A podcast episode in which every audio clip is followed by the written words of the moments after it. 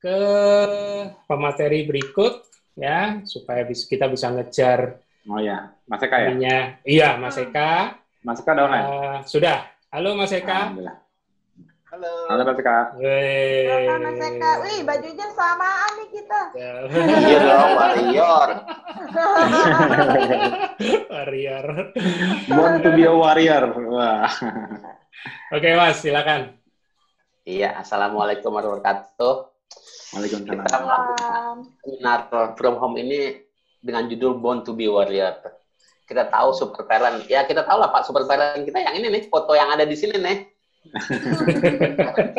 Dan warrior kita yang menginspirasi kita ya Mas Alif dengan eh, masalah yang di kita malahan bisa menginspirasi orang-orang lain sehingga ya kita bisa bersama ber-KF mendapatkan kesehatan, mendapatkan semua yang kita eh, damba-dambakan. Hmm. Jadi kita mau bahas sekarang mengenai CP dan epilepsi. Jadi sekitar setengah dari anak-anak dengan CP biasanya juga menderita epilepsi. Jadi ini merupakan gangguan neurologis yang uh, seumur hidup karena memang gangguan pada uh, sarafnya. Jadi berdampingan satu dengan lainnya. Nah, sekarang apa sih yang disebut dengan CP? CP itulah gangguan neurologis yang mempengaruhi gerakan. Jadi gerakannya mungkin terganggu, tonus otot bisa terlalu kaku, terlalu tegang, dan koordinasi sehingga kalau buat bergerak jadi sulit. Efek ini dapat berbeda dari satu anak dengan yang lain. Jadi tipenya masing-masing. Nah, secara umum ada empat jenis utama CP yang mencerminkan kelainan di berbagai bagian otak. Jadi yang eh, sering adalah yang spastik, ada yang kita sebut sebagai dyskinetik, ada yang ataksik, ada yang juga mix. Apa sih bedanya?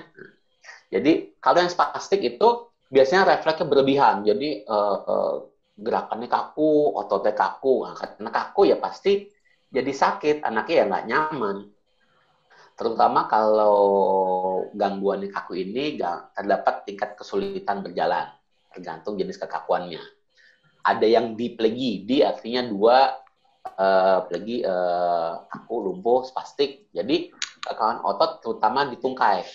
Mungkin lengannya nggak terlalu pengaruh, tapi uh, kakinya. Jadi kalau kakinya ya kesulitan untuk berjalan.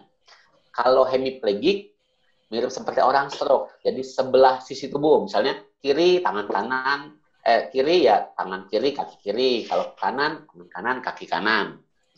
Kemudian ada juga yang kita bilang quadriplegik. Quadri itu empat, jadi artinya ya keempat anggota geraknya, tangan, kaki, kiri, kanan. Nah, biasanya juga ada resiko tinggi kelainan tulang belakang, gangguan berbahasa, gangguan uh, makan, pencernaan yang nggak bagus, sering kejang, ada kontraksi otot dan juga ada juga masalah kognitif. Kemudian tipe kedua yang kita bilang dyskinetik. Jadi gerakan abnormal, bisa pada lengan, tangan, kaki. Jadi sulit untuk mengontrol gerakannya dan koordinasi tubuhnya. Misalnya ada tipe yang dystonia. Jadi gerakannya, sering kadang-kadang kita lihat anak CP dengan gerakan memutar berulang-ulang seperti kayak ular meliuk-meliuk. Ah, seperti itu. Dapat terjadi di satu bagian tubuh atau seluruh tubuh. Jadi gerakan ini tidak terencana dan tidak uh, disengaja, tapi dimulai dengan suatu gerakan yang memang disengaja. Misalnya dia mau mengambil gelas, awalnya niat megang gelas, tapi abis itu tangannya jadi muter kiri kanan meliuk-meliuk segala macam. Atau atetosis, mirip seperti orang nari, gerakannya lambat, menggeliat, tapi sampai uh, kalau kita bilang kayak melenting, tangannya ke mana, punggungnya ke mana. Jadi buat mempertahankan postur tubuh sulit atau gerakannya yang Korea. Gerakannya lebih tadi kayak menari tapi gerakan tiba-tiba, gelisah, tak terduga. Jadi kalau lagi megang gelas tiba-tiba bisa pindah posisi ya gelasnya bisa jatuh, bisa tumpah airnya. Jadi gerakan ini dapat muncul bersamaan, bisa kombinasi, akhirnya mempengaruhi keterampilan motor halus termasuk menggenggam benda kecil, motor kasar dan buat berjalan. Jadi itu yang kenapa anak dengan CP kadang-kadang sulit untuk melakukan aktivitas yang sepertinya aktivitas sederhana. Kemudian ada juga yang kita bilang ataksik. Jadi ini gerakan yang tersendat-sendat, tidak terkoordinasi. Ini yang paling tidak umum. Jadi kalau dia mau mulai gerakan, terus jadi gerakannya makin terganggu dan tidak terkendali. Jadi jika ini berjalan, menulis pasti nggak bagus karena tidak stabil, bicara juga jadi nggak terkoordinir, menelan pun juga nggak bagus. Juga ada koordinasi gerakan mata. Misalkan kalau kita ngeliat ke kiri ya mata ke kiri, ke kanan nih tiba-tiba bisa bergeser-geser gerakan matanya. Kemudian yang mix, yang campuran, nah, jadi bisa ada otot kaku, gerakan tidak sadar, gerakan volunteer, ada yang spastik kaku, ada juga yang uh, floppy, yang letoy gitu. Nah, sering juga dengan kejang, ada masalah kognitif, masalah untuk uh, berbicara, gangguan menelan, gangguan pendengaran, terus kadang-kadang sering air liurnya uh, menetes, jadi tidak bisa mengkoordinasi bagaimana menutup mulut dengan uh, proper. Atau kalau kita lihat kadang-kadang oh mukanya sering seperti orang meringis.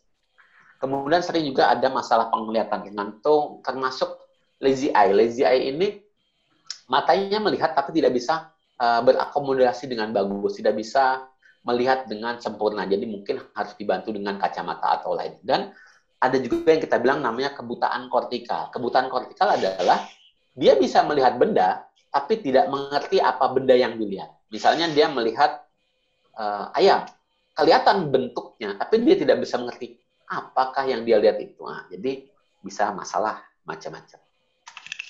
Nah, kemudian yang juga sering adalah epilepsi. Nah, epilepsi ini kita bilang sering berhubungan dengan uh, anak-anak dengan CP. Jadi kalau dari National Institute of Neurology Disorder, epilepsi itu sebenarnya suatu spektrum gangguan otak.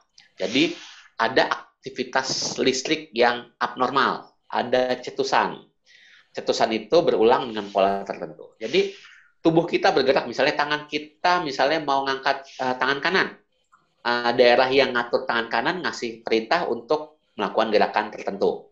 Nah, tetapi kalau tiba-tiba daerah itu mengeluarkan perintah, tapi perintahnya uh, tidak jelas, jadi akhirnya gerakannya juga tidak jelas. Nah, kalau dia berulang dengan pola tertentu, kita sebut sebagai epilepsi. Nah, jadi kadang-kadang gini, kalau kejang itu hanya aktivitas listrik abnormal, timbul gerakan uh, kejang. Kejang itu bukan hanya yang kelojotan ya, karena kita tahu uh, fungsi tubuh manusia tuh secara umum ada empat spektrum, ada motorik, ada sensorik, ada otonom, ada fungsi luhur. Kalau kejangnya bentuk motorik, ya istilahnya semua orang juga gampang melihat yang kejang kelojotan. Tapi kalau kejangnya bentuk sensorik, ah dia uh, terganggu di perasa tiba-tiba ngerasa sakit kepala, bisa tiba-tiba mual, tiba-tiba uh, uh, seperti merasa mendengar sesuatu, nah itu macam-macam.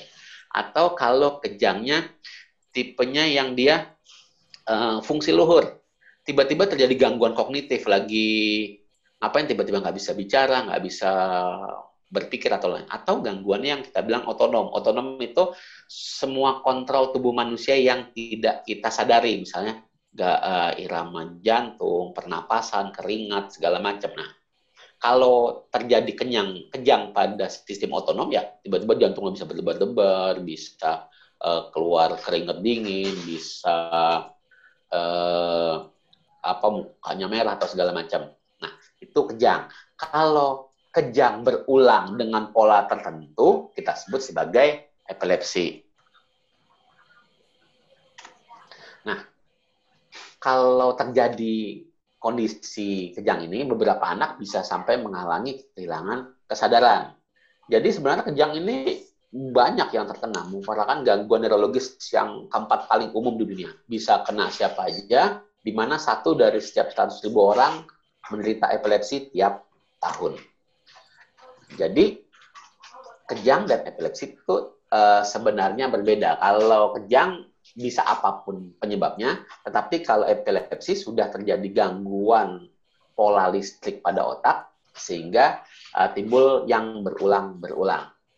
Jadi kalau per definisi epilepsi ditandai oleh kejang berulang setidaknya dua atau lebih tapi tanpa pencetus. Istilahnya kayak gini. Kayak orang naik kendaraan, kecelakaan, terjatuh, bisa kejang. Orang tersedak eh, eh, makanan sampai tidak ada oksigen kontaknya bisa kejang. Nah, tetapi kalau penyebabnya hilang, ya pasti tidak ada kejangnya lagi. Tapi kalau memang tanpa pencetus kejang-kejang itu kita sebut sebagai epilepsi. Nah, jadi eh, apa ini penyebab epilepsi? Dari sekitar setengah kasus epilepsi, penyebabnya sampai sekarang belum tahu. Mungkin secara molekuler ada gangguan pompa ion dan lain sebagainya. Tapi yang penyebab epilepsi yang umum kita ketahui biasanya adalah pertama cedera prenatal. Makanya uh, proses uh, persalinan itu memang suatu proses yang menentukan bagaimana kehidupan seorang anak nanti kelak uh, dewasanya. Jadi lima menit pertama kehidupan itu yang kita sering kalau dari uh, dokter nilai Apgar skornya itu yang kira-kira uh, nanti prediksi nih kira-kira oh kalau Apgar skornya rendah, prediksi nanti bisa ada gangguan tertentu, terutama gangguan neurologis. Kemudian ada juga gangguan perkembangan dan genetik, yang memang ada gen yang bermasalah, ada riwayat trauma kepala, penyakit, dan kekurangan dari oksigen. Jadi kalau cedera prenatal, jadi selama kehidupan intrauterin, otak janin itu berkembang. Karena berkembang sangat cepat, maka rentan terhadap kerusakan. Jadi bisa ada infeksi prenatal atau ibu-ibunya menggunakan zat-zat tertentu yang membahayakan baik alkohol, obat atau pasukan oksigennya rendah. Nah, sering kita lihat ibu-ibu HB-nya rendah, eh, jadi aliran darah ke kandungan yang nggak bagus ya akibatnya bayi yang dikandungnya juga mendapat oksigen rendah atau gizi buruk dan kekurangan vitamin. Kemudian gangguan perkembangan dan genetik. Bisa juga karena ada masalah seperti gangguan genetik, bisa seperti kondisi autisme, neurofibromatosis, sindrom Agerman dan lain-lain. Mungkin kalau genetik uh, terlalu panjang kita bahasnya ya. Atau juga ada mutasi pada satu ada lebih gen yang diturunkan. Jadi memang beberapa uh, jenis epilepsi ada juga yang karena gangguan pada genetik. Nah, kemudian trauma kepala. Ini yang juga sering trauma kepala seperti cedera pada saat lahir. Karena uh, di Indonesia masih banyak persalinan yang ditolong oleh bukan tenaga kesehatan, baik dokter ataupun uh, bidan. Jadi masih banyak yang lahir di rumah uh, oleh dukun uh, bayi. Uh, karena sekarang dukun bayi pun ada sudah yang dapat sertifikat. Jadi mungkin nanti dokter bisa cerita bahwa memang sudah ada pelatihan-pelatihan. Tapi ada juga yang dukun bayi yang tidak mendapatkan pelatihan sehingga sering terjadi trauma kepala pada saat lahir.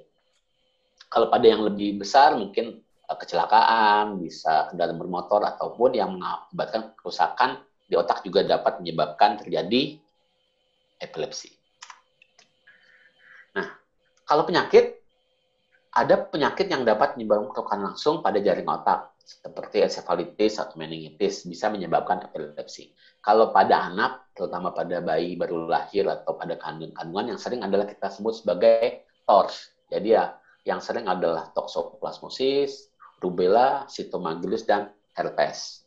Jadi penyakit ini kalau terkena pada ibunya atau ibunya sudah terkena penyakit sebelum hamil dan tidak diobati dapat mempengaruhi eh, bayinya. Mungkin pada ibunya tidak timbul gejala yang serius, tetapi pada bayi yang dikandungnya dapat terjadi pertumbuhan otaknya tidak sempurna.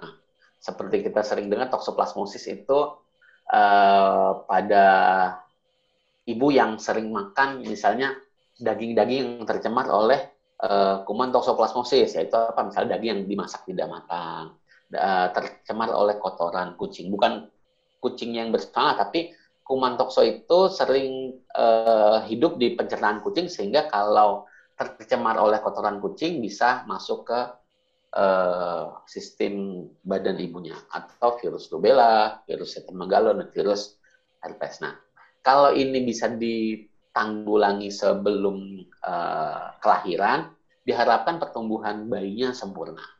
Makanya uh, sering kita lakukan tes-tes ini untuk mencari Eh, penyebab-penyebab uh, pada kehamilan ibu. Kemudian kekurangan oksigen, tadi sudah kita bahas, kekurangan oksigen signifikan kotak sebelum Jadi pada saat dia hamil, selama proses perlahiran atau setelah uh, kelahiran. Jadi mungkin lahirnya bagus, tapi habis itu ada kita misalnya ter, bayinya misalnya menelan mekonium, menelan air ketuban atau apa bisa bikin pernapasan gabus. Dapat menyebabkan kejang pada bayi. Jadi kalau kekurangan oksigen bukan hanya pada bayi, pada orang tua, misalnya pada stroke, bisa perdarahan atau sumbatan juga bisa bikin kejang. Jadi kerusakan otak karena kekurangan oksigen ini sangat sering permanen. Jadi menimbulkan gejala sisa. Mungkin uh, kesadaran sudah bagus lagi, tapi karena ada daerah yang rusak, bisa timbul kejang. Nah, sekarang kita harus lihat nih, mana sih yang kita sebut sebagai gejala epilepsi? Jadi, epilepsi harus kejangnya berulang. Jadi kalau baru sekali, baru kita bisa bilang, oh, seizure. Nah, tapi kalau sudah berulang dengan pola yang sama, kita bisa bilang itu suatu epilepsi. Gejalanya macam-macam tergantung sistem tubuh mana yang uh, terkena. Kalau yang paling sering adalah misalnya gerakan tubuh menyentak tak terkendali, biasa di lengan dan kaki. Jadi ini terutama pada gangguan sistem motorik. Nah, yang agak susah misalnya gerakan wajah. Misalnya menggerakkan bibir, mengunyah. Jadi kadang-kadang kalau tidak uh, pernah melihat sebelumnya, dikira oh anak ini cuma main-main bibir sih apa main-main ludah di bibir atau cuma meringis. Tapi kalau kita lihat dia gerakannya berulang dengan pola tertentu, kita bisa curiga ini suatu kejang yang berulang kita sebut sebagai epilepsi. Atau kehilangan kesadaran, nah, pasiennya pingsan. Atau keluar liur yang tiba-tiba jadi nggak ada apa-apa tiba-tiba oh ngecas sendiri atau gimana. Ini biasa karena gangguan di otonom. Atau kesulitan bicara. Lagi bicara bagus, tiba-tiba lagi ngomong, saya dari sini mau makan tapi tapi bisa ngomong bagus lagi. Nah, bisa. Atau otot kakunya tegar.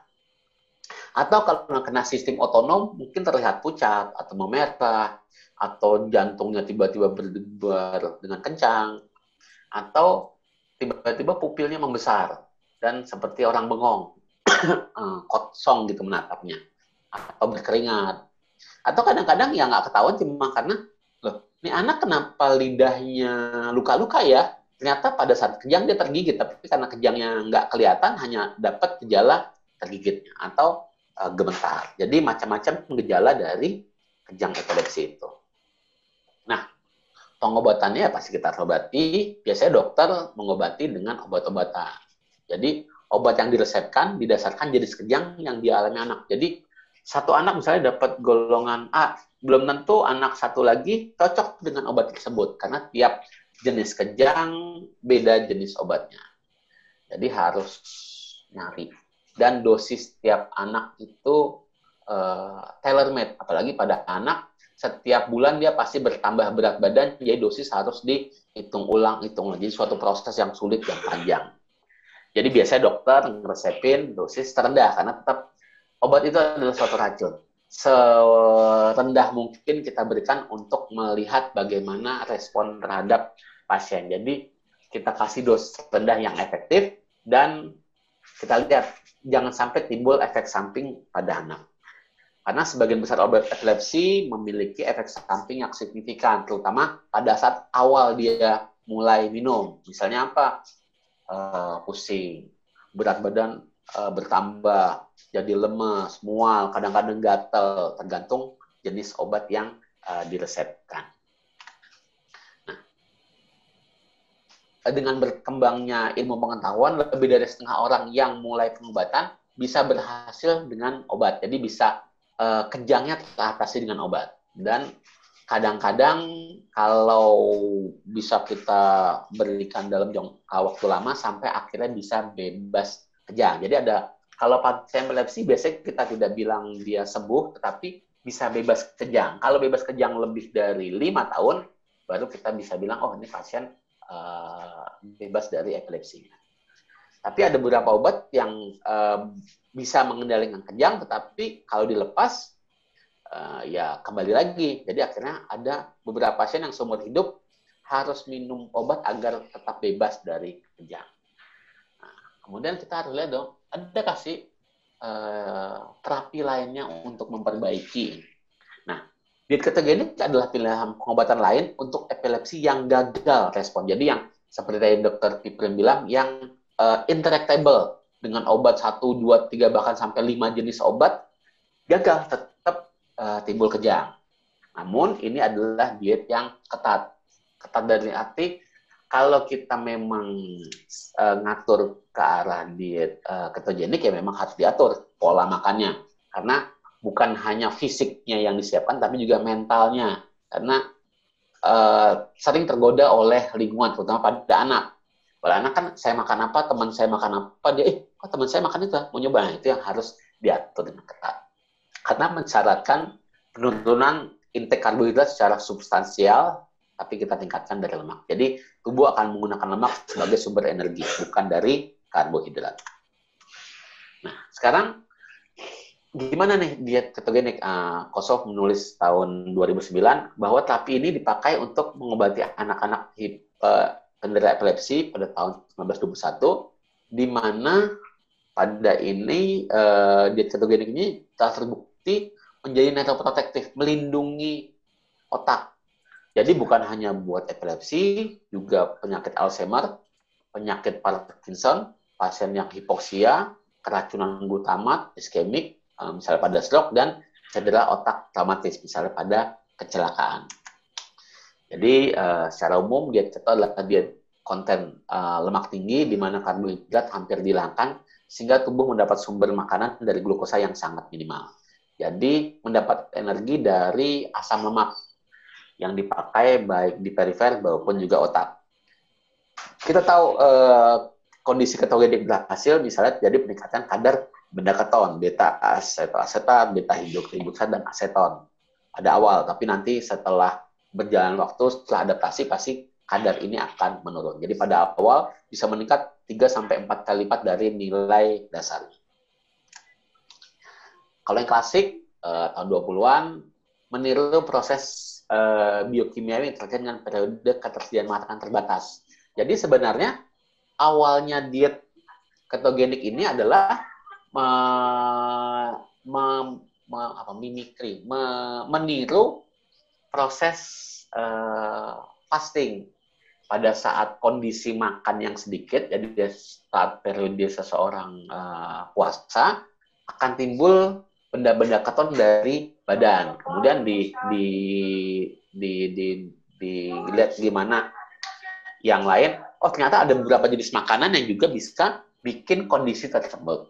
Jadi pada saat yang awal terjadi klasik di mana dia terdiri 80 sampai 90% lemak dengan sisanya karbohidrat dan protein diet ini sebenarnya cukup untuk pertumbuhan, tapi karbohidratnya tidak mencukupi untuk kebutuhan metabolisme tubuh. Jadi dipakai dari lemaknya. Karena sebagian lemak uh, berasal dari makanan, uh, dapat dari luar. Karena biasanya pada anak cadangan lemaknya tidak sebanyak pada biasanya uh, anggota KF yang mungkin overweight. Kalau anak kan memang ya sesuai dengan berat badannya. Jadi nanti lemak ini akan diubah menjadi benda keton, asetat dan beta hidroksibutirat sebagai sumber energi alternatif. Nah, dibanding dengan glukosa, benda keton ini energinya lebih tinggi. Per gram karbohidrat itu hanya menghasilkan 4 kilokalori, sedangkan lemak per gramnya menghasilkan 9 kilokalori. Jadi dengan makan jumlah gram yang sama, energi yang dihasilkan dari lemak ini dua kali lebih pada orang dewasa, glukosa substrat yang disukai untuk produksi energi oleh otak. Jadi kalau kita baca jurnal, wah otak itu membutuhkan glukosa. Kenapa ya? Karena glukosa mudah, murah, gampang didapat. Nah, padahal benda keton merupakan sumber energi utama selama perkembangan pasca kelahiran. Berarti itu. Jadi bayi baru lahir, dia mendapat energi bukan dari gula, tapi dari keton. Nah, selama bayi minum ASI, dia dapat energi dari lemak. Jadi nanti akan diubah jadi keton. Yang merubah adalah saat kita mulai proses pengganti ASI empasi. Jadi mulai dikasih makanan tambahan, mulai dikenalkan karbohidrat. Nah, karena lama-lama karbohidrat, karbohidrat ya lama-lama ya tubuhnya ah, saya bisa pakai energi glukosa, akhirnya glukosa yang dipakai sebagai sumber energi utama walaupun awalnya adalah keton.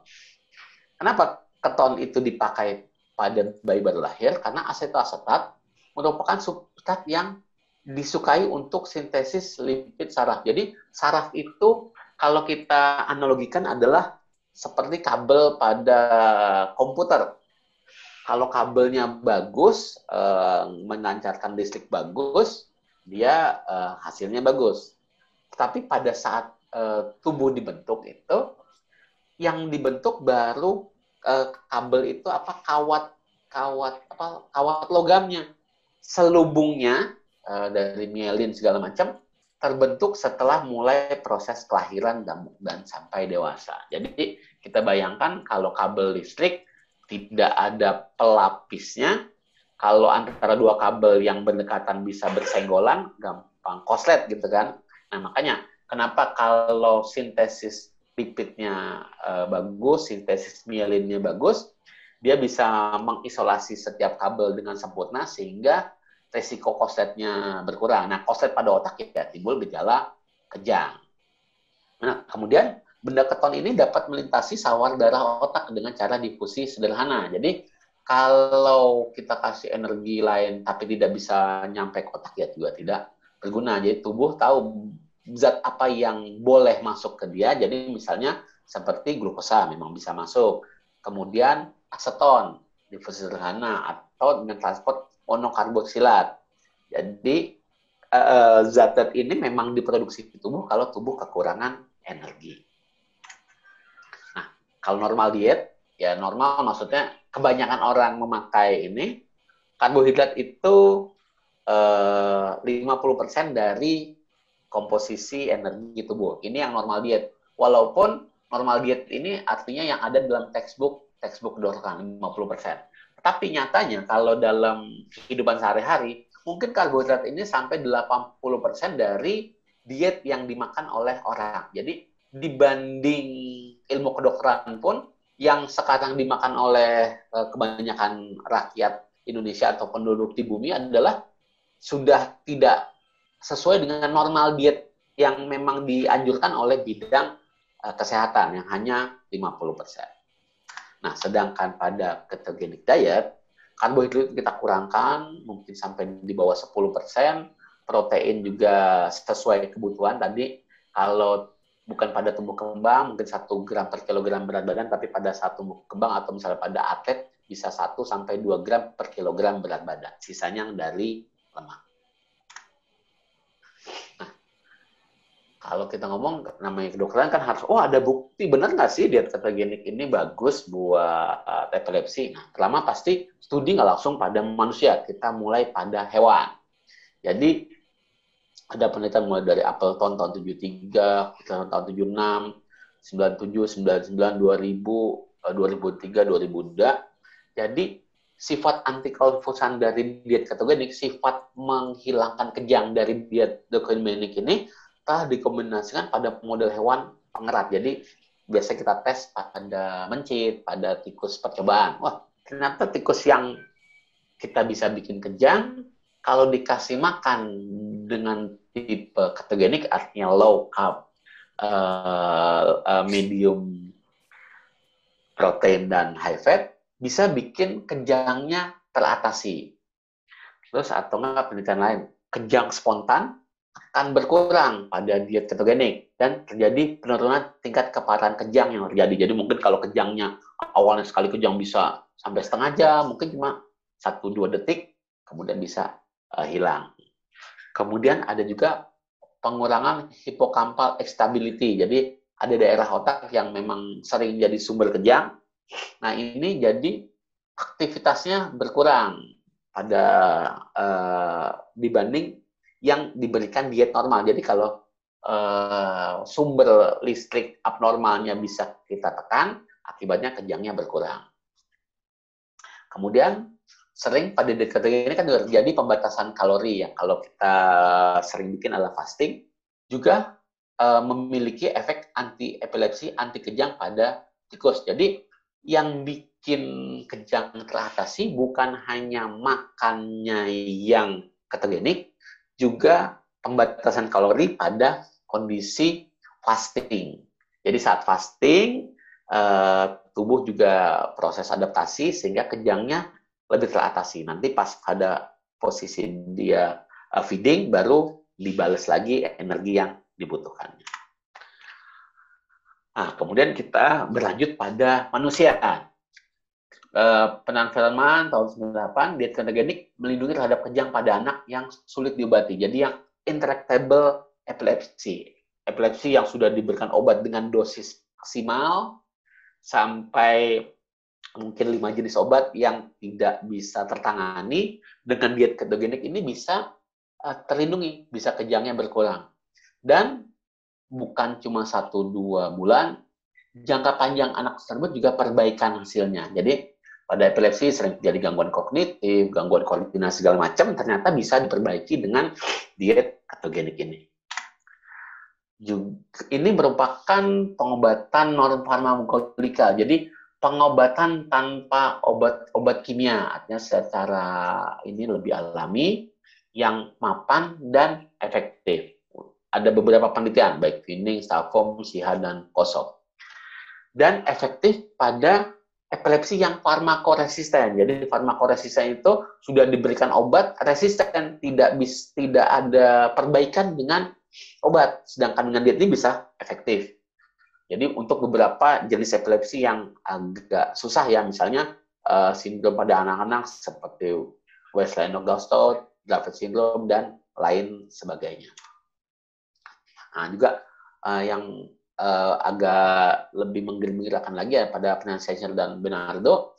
Jadi anak-anak epilepsi yang tidak dapat diatasi dengan uh, obat-obatan menggunakan diet pologenik lebih dari satu tahun, satu tahun ternyata respon dietnya bagus. Jadi tetap uh, tumbuh kembangnya bagus dan follow up jangka panjang 3 sampai 6 tahun. Jadi kalau yang sering berebar, oh uh, diet KF cuma boleh di uh, 6 bulan.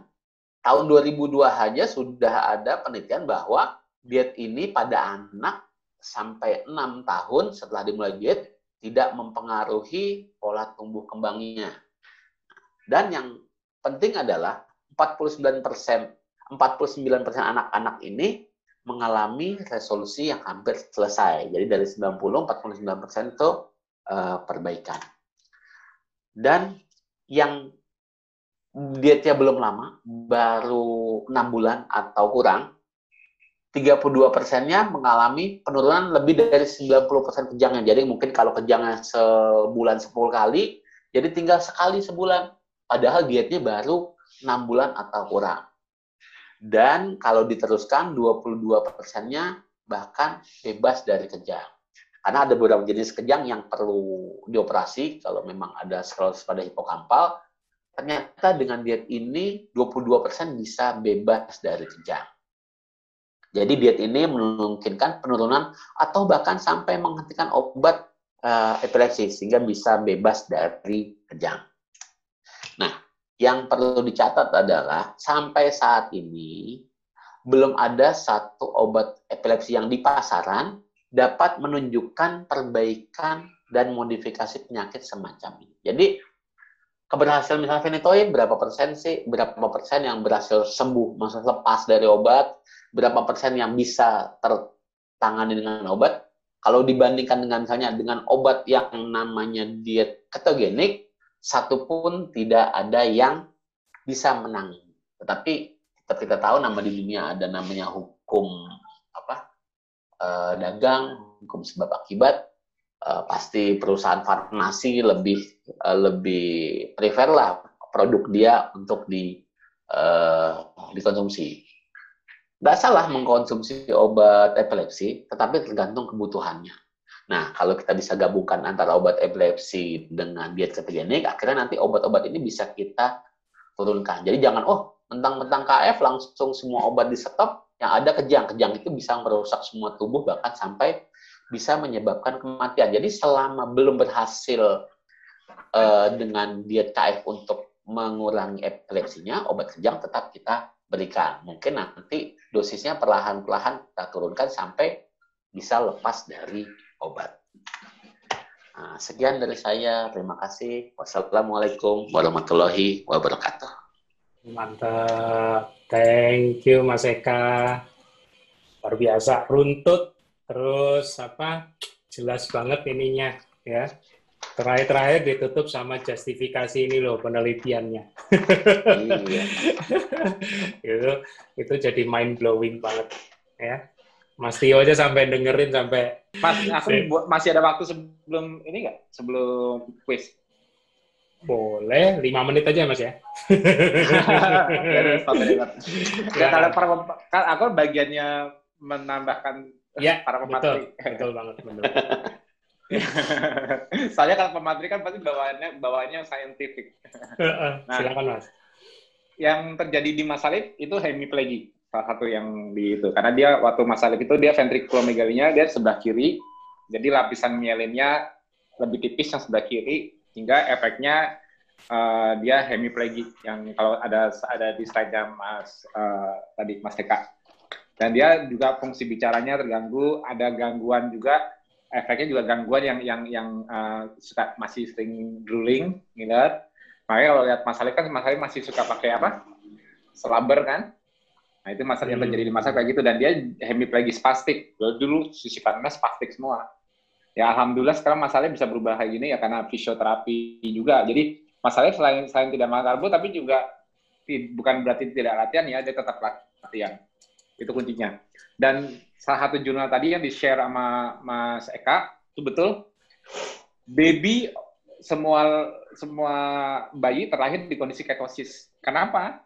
Karena keton itu paling disukai untuk sintesis untuk lipid sintesis di otak yang tadi Mas Eka bilang untuk kalau kabel itu semakin bagus selubungnya berarti eh, transmisinya semakin bagus listriknya. Itu disebut mielin. awal ka- aw- awal ketemunya KF cuma gara-gara uh, aku cari tahu mengenai mielin itu apa. Hmm. Karena karena waktu itu karena sebagai orang yang nggak ngerti apa-apa dikasih tahu bahwa hasil hasil MRI-nya bahwa mielinnya tipis, Hmm. otomatis aku sampai waktu itu beli bovine mielin uh, mielin sapi lah itu ekstrak dari otak sapi dari Australia. Aku kasihin ke Mas Alif karena mikirnya bodohnya mikirnya dengan dikasih mielin sapi mielin Mas Alif jadi tebel, jadi sehat lagi, tidak kejang lagi. itu bodohnya ya. Hmm. Kan dulu kan kan kan kan semua butuh proses belajar. Tapi dari kata mielin itu aku jadi gini. Kebanyakan orang sekarang jalanin keto itu karena tahu keton sebagai fungsi oksidatif, artinya untuk energi. Ya, rata-rata karena basicnya ketogenic diet. Kalau aku start start KF ini menemukan apa itu KF, startnya itu dari mielin. Jadi fungsi keton bukan sebagai fungsi oksidatif. Justru fungsi keton yang aku temukan dari fungsi non oksidatif. Artinya tidak dipakai untuk energi, tapi dipakai untuk sintesis Hmm. karena tujuanku pengen mengembalikan mielin masalif. Jadi aku cari tahu apa itu mielin, bahan bakunya apa? Bahan bakunya ternyata kolesterol. Nah, begitu tahu kolesterol, tapi kolesterol kan dari makanan pun nggak bisa nyebrang ke otak. Karena kan lemak tidak bisa nyebrang ke otak. Terus apa yang di, Hmm. apa yang digunakan otak untuk kan kan kalau anak-anak kan otak berkembang terus kan. Kolesterolnya itu disintesis dari apa? Oh, Hmm. kolesterol itu disintesis dari asetil CoA. Dan bahan pilihan utama saat dari baby, bayi sampai masa pertumbuhannya dia untuk sintesis lipid-lipid. Jadi bisa dibayangkan otak kita komposisinya itu kan lemak semua. Ya nggak ada bedanya kayak kita makan otak sapi kan orang orang takut karena otak sapi banyak lemaknya, tinggi kolesterol, orang takut. Hmm. Otak manusia itu sama komposisinya lemak. Tapi lucunya lemak di makanan nggak bisa nyebrang ke otak. Itu lucunya kan? Karena ada Hmm. blood-brain barrier yang Ya. mencegah lemak bisa naik ke otak. Hanya glukosa yang bisa tembus katanya. Hmm. Nah, ternyata ternyata rahasianya kalau glukosa tembus berarti bayi begitu lahir kenapa nggak dikasih kasih gula langsung? Kan penting buat kebutuhan otak, energi. Hmm. Ternyata nggak perlu. Kenapa? Karena seperti yang bilang Mas Eka tadi, yang memperkenalkan karbohidrat itu pada saat empasi. Kalau dia masih ASI dia tetap ketosis.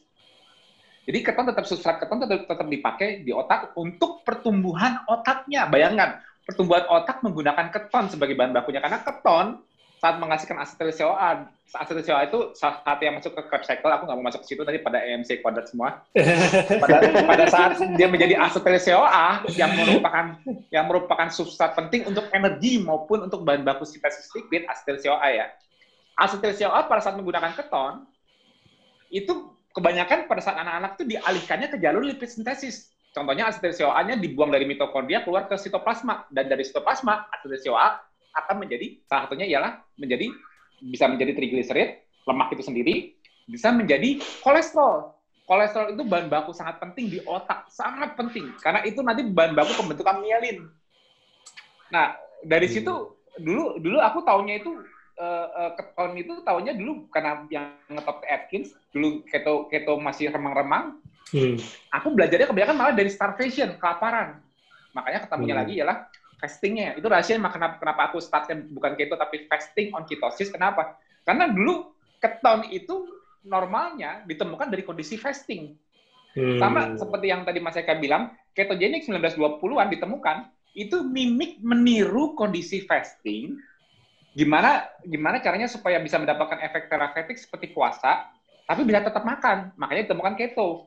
Dengan menjaga rasio lemaknya lebih banyak dibanding protein tapi bisa tetap makan hmm. tapi masih bisa cukup untuk pertumbuhan karena kenapa keto ketogenik itu di, diciptakan dulunya karena kasus pertamanya untuk diselesaikan ialah pada anak-anak yang tidak boleh puasa panjang-panjang yes. butuh pertumbuhan akhirnya ditemukan ketogenik yang komposisinya masih bisa diatur supaya anak-anak bisa tetap mencukupi kebutuhan kalori dari luar, tapi tidak harus melakukan puasa sebenarnya. Makanya hmm. para dokter dulu men menggunakan ketogenik. Jadi ketogenik itu buatan manusia. Hmm. The real, the real ketosis itu dihasilkan dari orang yang nggak bisa makan. Misalnya orang yang sakit berhari-hari, dia mengalami siklus anoreksia, dia ketosis. Pada saat dia ketosis, dia membaik. Hmm. Jadi anti-inflamatorinya. Dan satu lagi aku, aku mau tambahkan.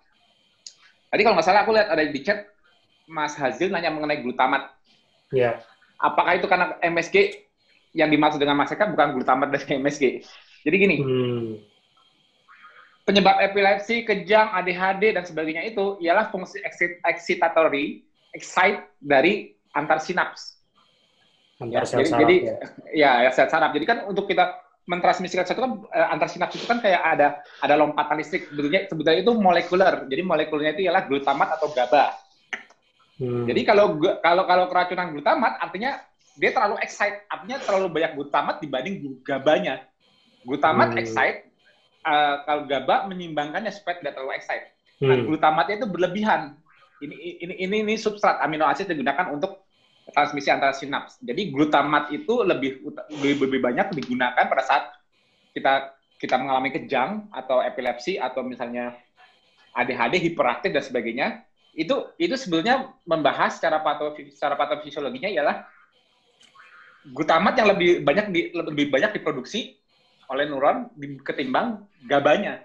Hmm. Nah, ketosis mengembalikan kondisinya supaya seimbang kembali. GABA lebih dominan sehingga tidak terlalu excitatory makanya dia bisa kalem tidak tidak kejang atau tidak hiperaktif itu karena gabanya jadi dominan jadi jadi mengembalikan keseimbangan nah ciri-ciri kenapa pada saat excite kenapa karbo itu bisa justru malah memicu excite-nya misalnya gini misalnya kenapa anak-anak uh, autis begitu gulanya ketinggian dia bisa kayak excitatory muncul kenapa hmm. kok jadi glutamat yang dominan masuk ke sisi molekulernya, pemilihan enzim glutamat de dekarboksilas maupun glutamat sintas.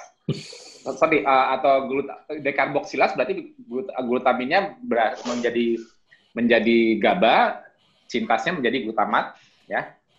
Antara pemilihan dua ini karbo atau sorry bukan karbo, glukosa dan tinggi mendorong sisi produksi glutamat lebih banyak dibanding GABA. Makanya hmm. itu yang memberikan secara molekulernya memberikan efek excited. Jadi jadi lebih terlalu meledak, excited. Ledak. Makanya meledak-ledak. Ya betul. Gampangnya bahasa awamnya meledak-ledak sehingga dia bisa kejam atau stabilitas. Jadi kalau cara aku sampai belajar sampai segitunya mas belajarnya mendalam banget karena dulu kan aku kan buat masalah jadi jadi aku ngeliat semua apa yang terjadi pada saat keton digunakan sebagai sumber untuk lipid sintesis maupun untuk energi hmm. keton lebih domi lebih bisa menyeimbangkan keseimbangan antara GABA dan glutamat Hmm, hmm. Dan juga dia merupakan bahan baku penting yang paling dipilih untuk kolesterol sintesis.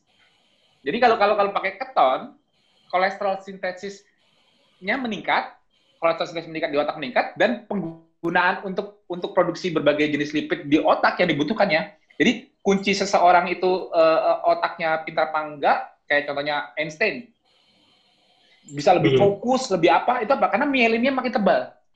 Jadi, Hmm. jadi jadi kunci mungkin struktur otaknya sama, tapi kadang-kadang orang yang ada IQ-nya meningkat atau lebih bisa berpikir lebih cepat. Kenapa? Bisa gampang fokus.